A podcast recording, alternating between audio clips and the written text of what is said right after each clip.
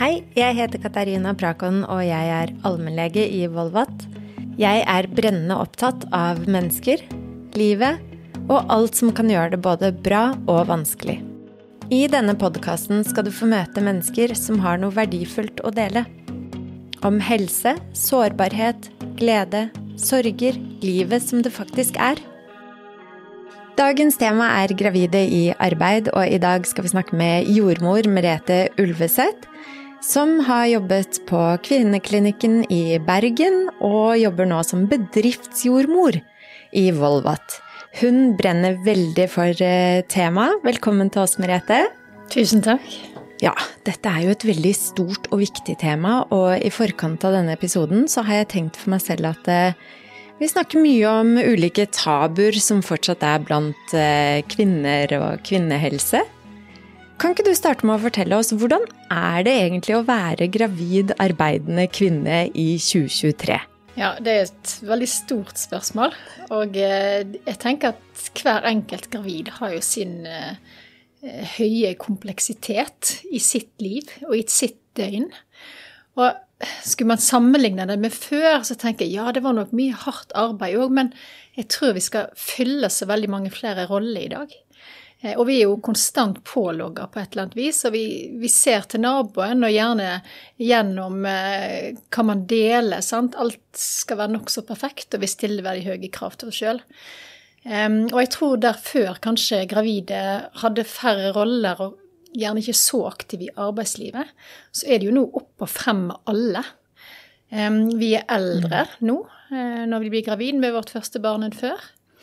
Ja, hva har det å si for eh, kvinnekroppen og mm. svangerskapsforløpet? Ja, Nei, det er jo flere ting. Eh, vi er nok kanskje mer rusta til å tåle svangerskapet litt tidligere i kvinnelivet. Mm. Og vi har jo en mer avansert eh, medisin nå, så mange flere kan jo bli gravid med den livsryggsekken de har på. Og når vi vet at vi er vel rundt 75% yrkesdeltakelse blant kvinner i Norge i dag, Um, og har nok hatt Det er vel sagt at vi har hatt mer å si for bruttonasjonalprodukt enn olje med kvinnenes inntog i arbeidslivet.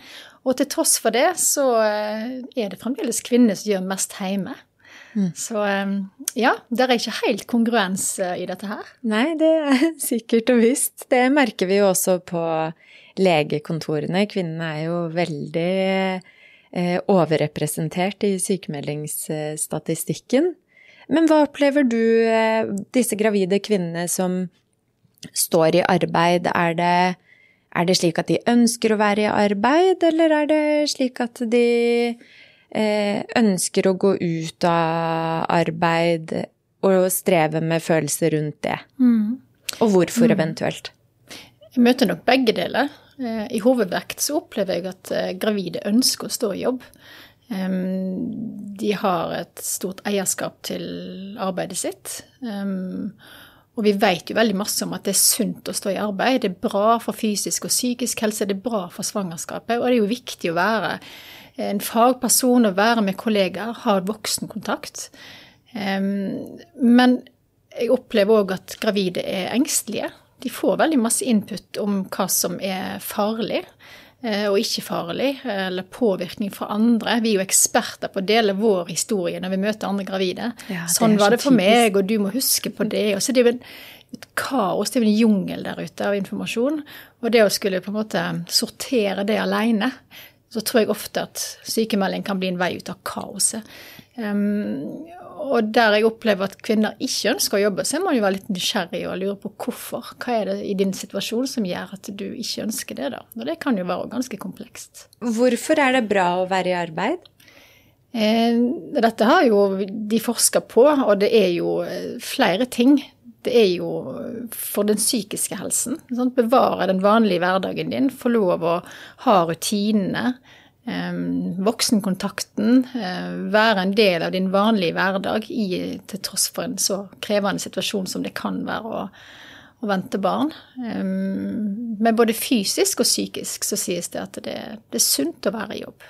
Å oppleve den mestringen også tror jeg er viktig å mm. klare når man føler seg ikke helt på topp, kanskje. Absolutt. Hadde, vi hadde en litt sånn spennende prat ved kaffemaskinen her før eh, vi startet innspillingen. eh, dette med graviditet ikke er en sykdom. Mm. Eh, men der hadde du en innfallsvinkel jeg likte veldig godt.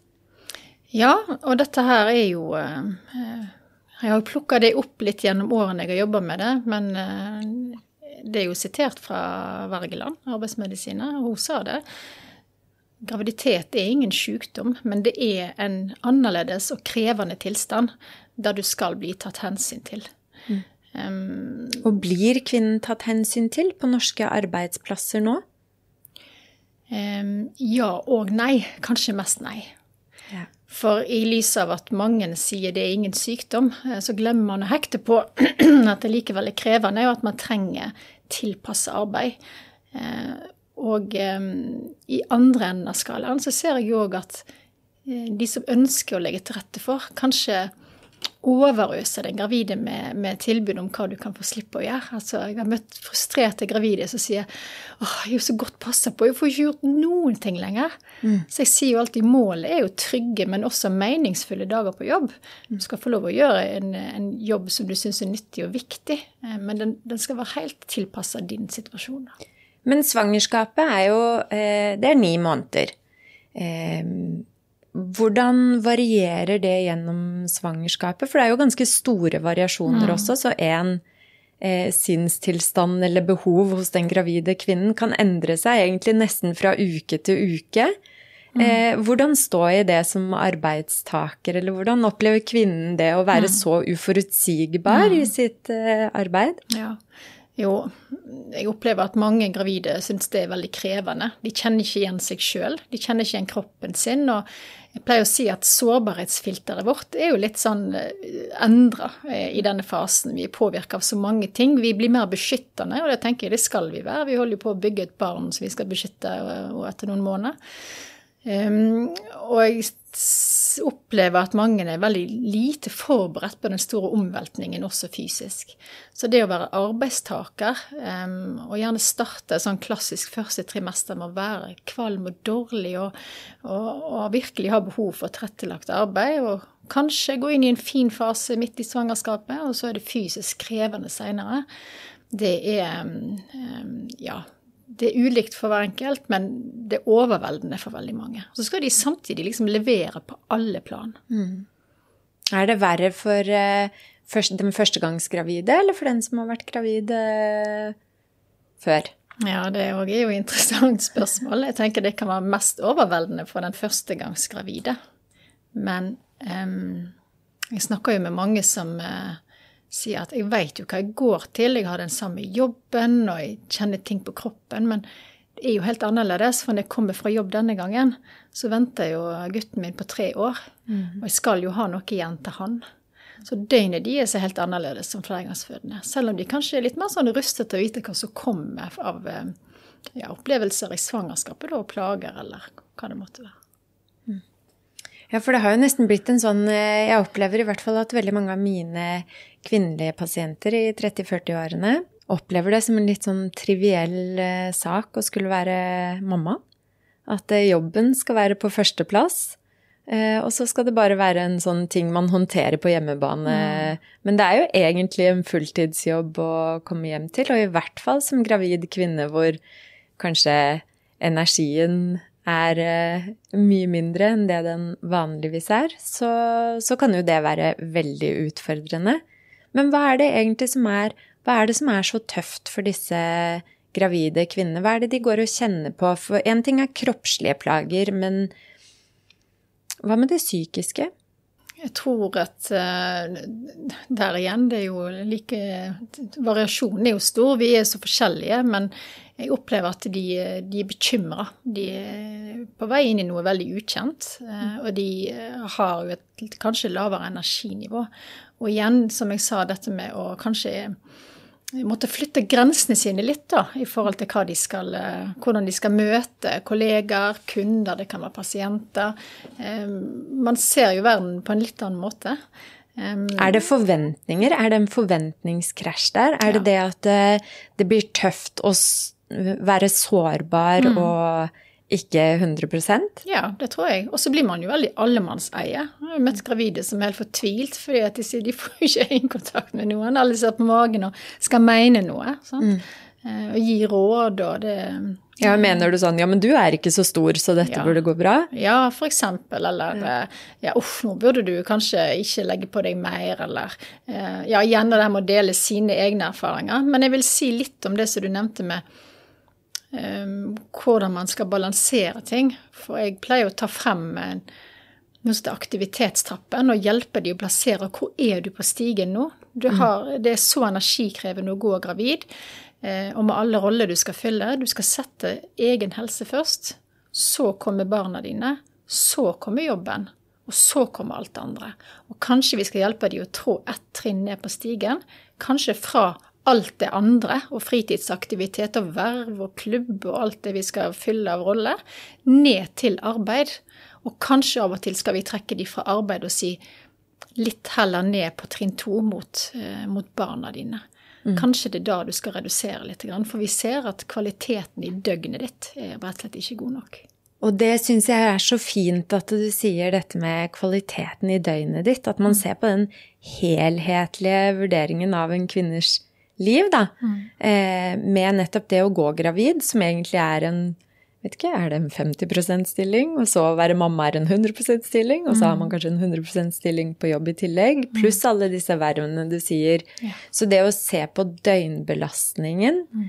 eh, det syns jeg er en veldig sånn eh, ikke bare for arbeidsgiver, men også for kvinnen selv å kunne se at det er en sammenheng mellom alt hun gjør i løpet av et døgn, og ikke bare kjenne på skuffelse over å ikke mm. ha vært en god arbeidstaker og levert mm. rapporten når hun skulle. Mm. Hun har faktisk gjort så mye mer. Mm.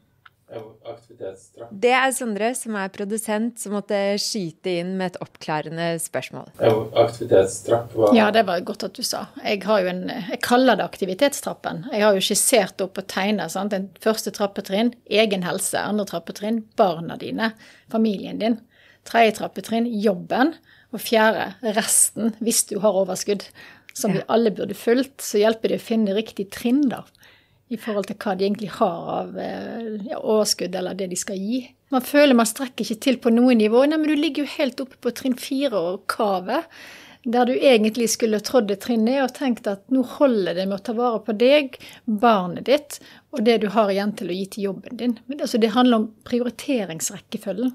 For jeg har sjøl funnet meg sjøl på fjerde trinn og lagt og vase om alt jeg skulle levere ut av ja, igjen verv og ja, disse rollene skal vise at jeg mestrer, men jeg har glemt min egen grunnmur, da. Mm. Og hvis den er porøs, så, så, knekker det i vinden.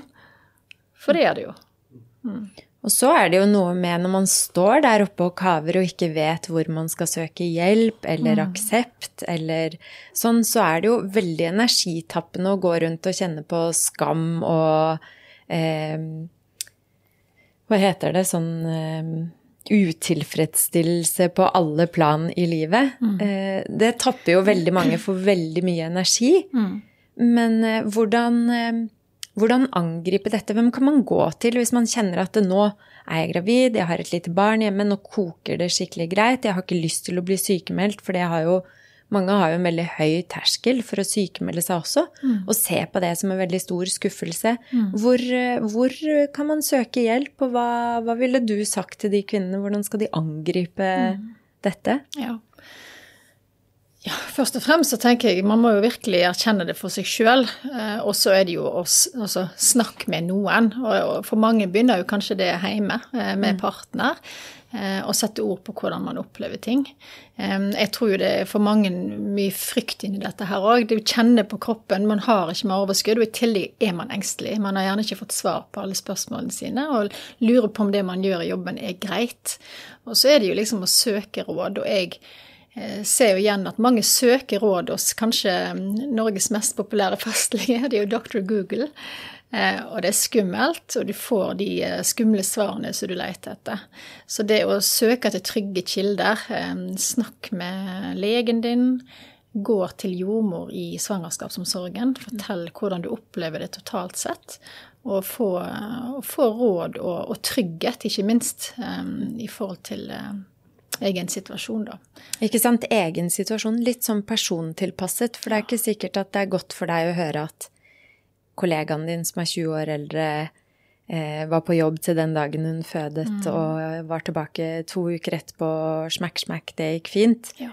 Eh, det er ikke sikkert det har så veldig motiverende og inspirerende effekt på deg, men kanskje mm. er det godt å snakke med noen som ja, det har vært litt tøft for å, mm. å, å, få litt hjelp og anerkjennelse. For anerkjennelse er vel en stor del av på en måte det å være i en ny livssituasjon?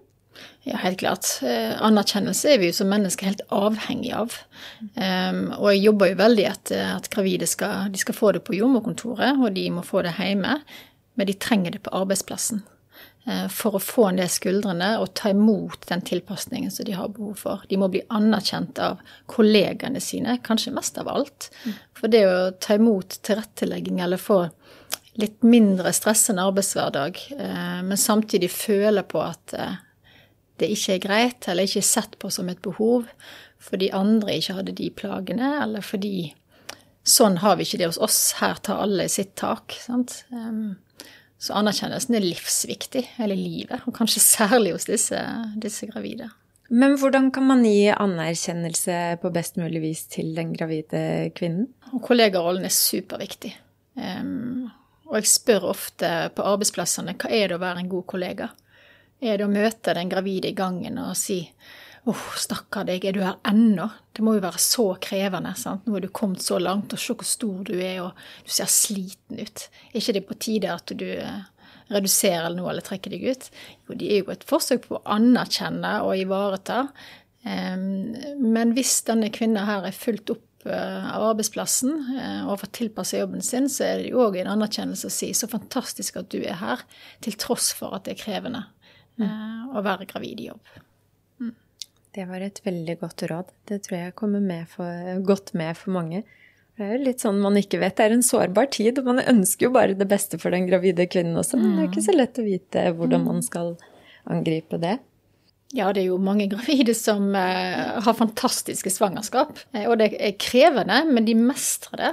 Og de blomstrer. sant? Og jeg bruker jo kanskje halvparten av tiden min i samtalen med gravid og leder på å normalisere helt vanlige svangerskapsplager. Jeg spør de har et normalt svangerskap. Nei. Kjenner på det og det og det. Ja, det er normalt. sant? Det er slitsomt, men det er normalt.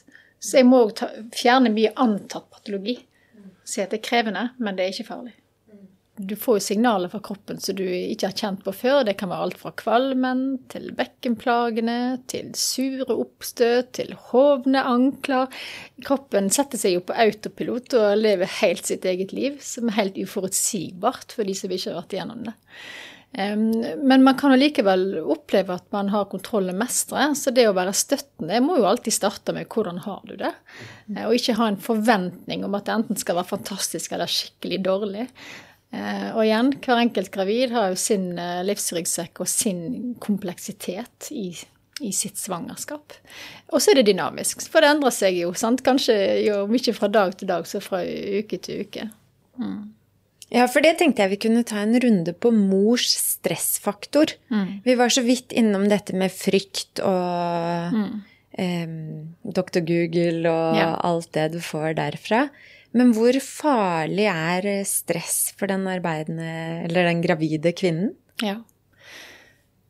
Og kunnskap er jo ferskvare, og det forskes jo stadig på alt mulig. Eh, og dette med stress i, i svangerskapet. Og så må vi jo definere stress, da.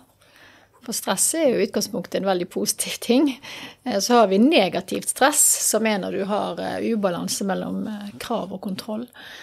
Um, og jeg uh, har lest flere artikler. Um, og der er jo noen uh, mindre studier som uh, konkluderer med at stress, ikke definert langvarig eller kortvarig, kan ha uheldig effekt på fosteret, som ja, lav fostervekst. Um, Eh, og, at eh, medisinske tilstander oppstår hos mor sant, i forbindelse med blodtrykk, som igjen eh, kan gå utover morkakefunksjon, mm. slike ting. Mens større studier kanskje litt mer tilbakeholden med stor konsekvens.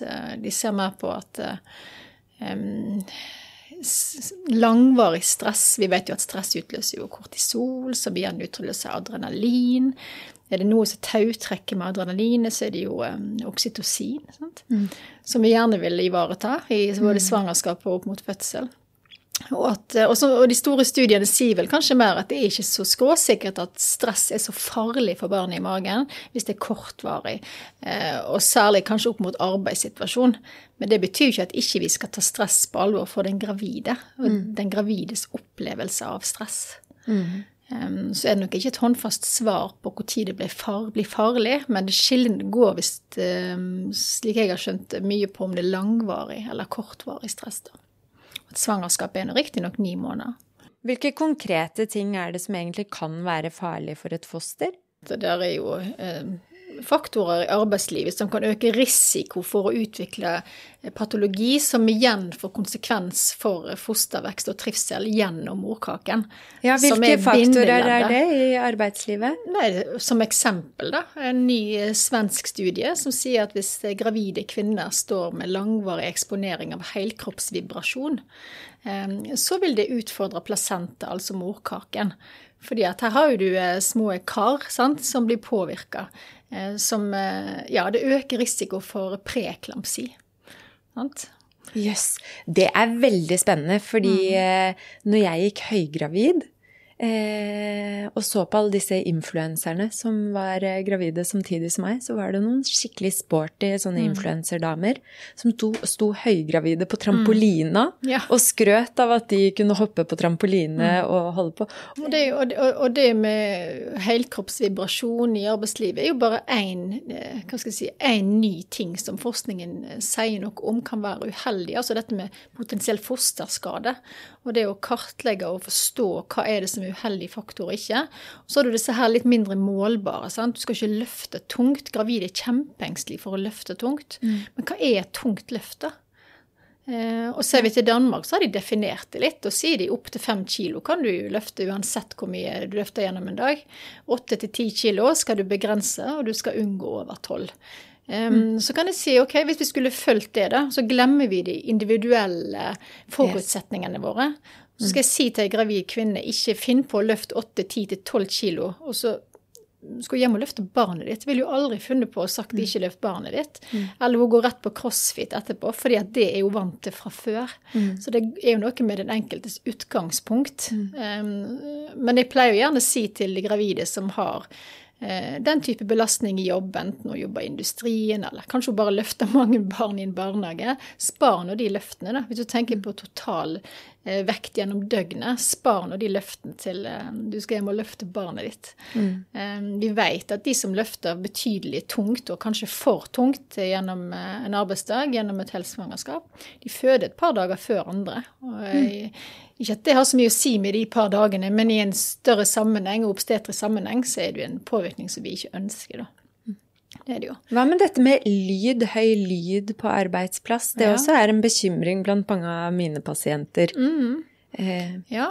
Um, For det er jo to par med ører som ja. affekteres av det kvinnen står det det. i. Både hennes og fosterets. Og jeg vil jo si at uh, før uh, svangerskapet kom til uke 20 til 22, så skal man jo i hensyn til den gravides stress ved å stå i støy, igjen, som kan påvirke barnet gjennom mor. Men vi vet jo òg at fosteret har jo veldig velutvikla hørsel fra veke 22 til veke 24. Ja. Og jeg har kommet på byggeplasser der gravide står med hørselvern og er ivaretatt med verneutstyr. Og så har hun denne gravide magen da, og står med desibel over 85, som er på en måte støysone med krav til hørselvern. Vi kan jo ikke få tatt hørselvern på det fosteret som ligger der i vann. Så, det er jo mye føre var-tenking, men uh, her er det opp og vedtatt at gravide skal selvfølgelig ikke stå i en støysone der barn ikke kan være beskytta. Men hva med noe som er høyaktuelt for uh, helsearbeidere, da, og ikke mm. bare mm. nattevaktsarbeid? Ja. Mm. Husker jeg at jeg sto lenge i det og vurderte, og mm. ingen hadde noe gode råd, egentlig. Og ja. så ble man gående med litt nattevakter, og som ble etterfulgt av mye dårlig samvittighet for Har jeg skadet fosteret mitt nå? Mm. Nattevakten ble mer hektisk enn jeg hadde forutsett. Ja. Man blir ofte dårligere i formen etterpå, og så ligger man og kverner. Har jeg skadet barnet mitt? Ja. ja. Og, og, dette med nattarbeid er jo eh, veldig interessant, for det handler jo, eh, jo selvfølgelig om mors trivsel eh, med å jobbe natt, men hvordan responderer fosteret i magen på det? Og jeg har jo føyd meg i rekka på mange som har tenkt at ja, ifra de er definert som høygravid i uke 28, så kan de bli tilbudt å bli tatt ut av natt. Eh, men vi har jo en stor dansk studie fra 2019 som peker mye mer på at det er jo i starten av svangerskapet det kan være mer uheldig å ha den type eksponering. Dvs. Si at mor snur døgnet på hodet. Og det er jo interessant, eh, for vi har jo fremdeles en kultur i Norge der vi sånn, skal holde det hemmelig de første tolv ukene. For da har vi en økt risiko for spontanabort. Og grunnen til at den risikoen er større, er jo fordi det er jo da barn er under bygging. Etter uke tolv er det jo bare vekst. Mm.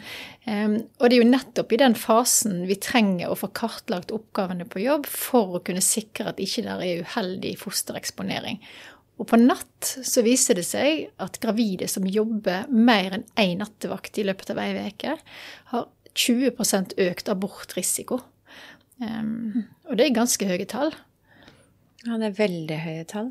Og um, der vi før tenkte at alle skulle ut av nattevakt i tredje trimester, er det jo mer fokus på individuell tilrettelegging, sant? eller individuelle behov. Fungerer ting greit for deg ellers?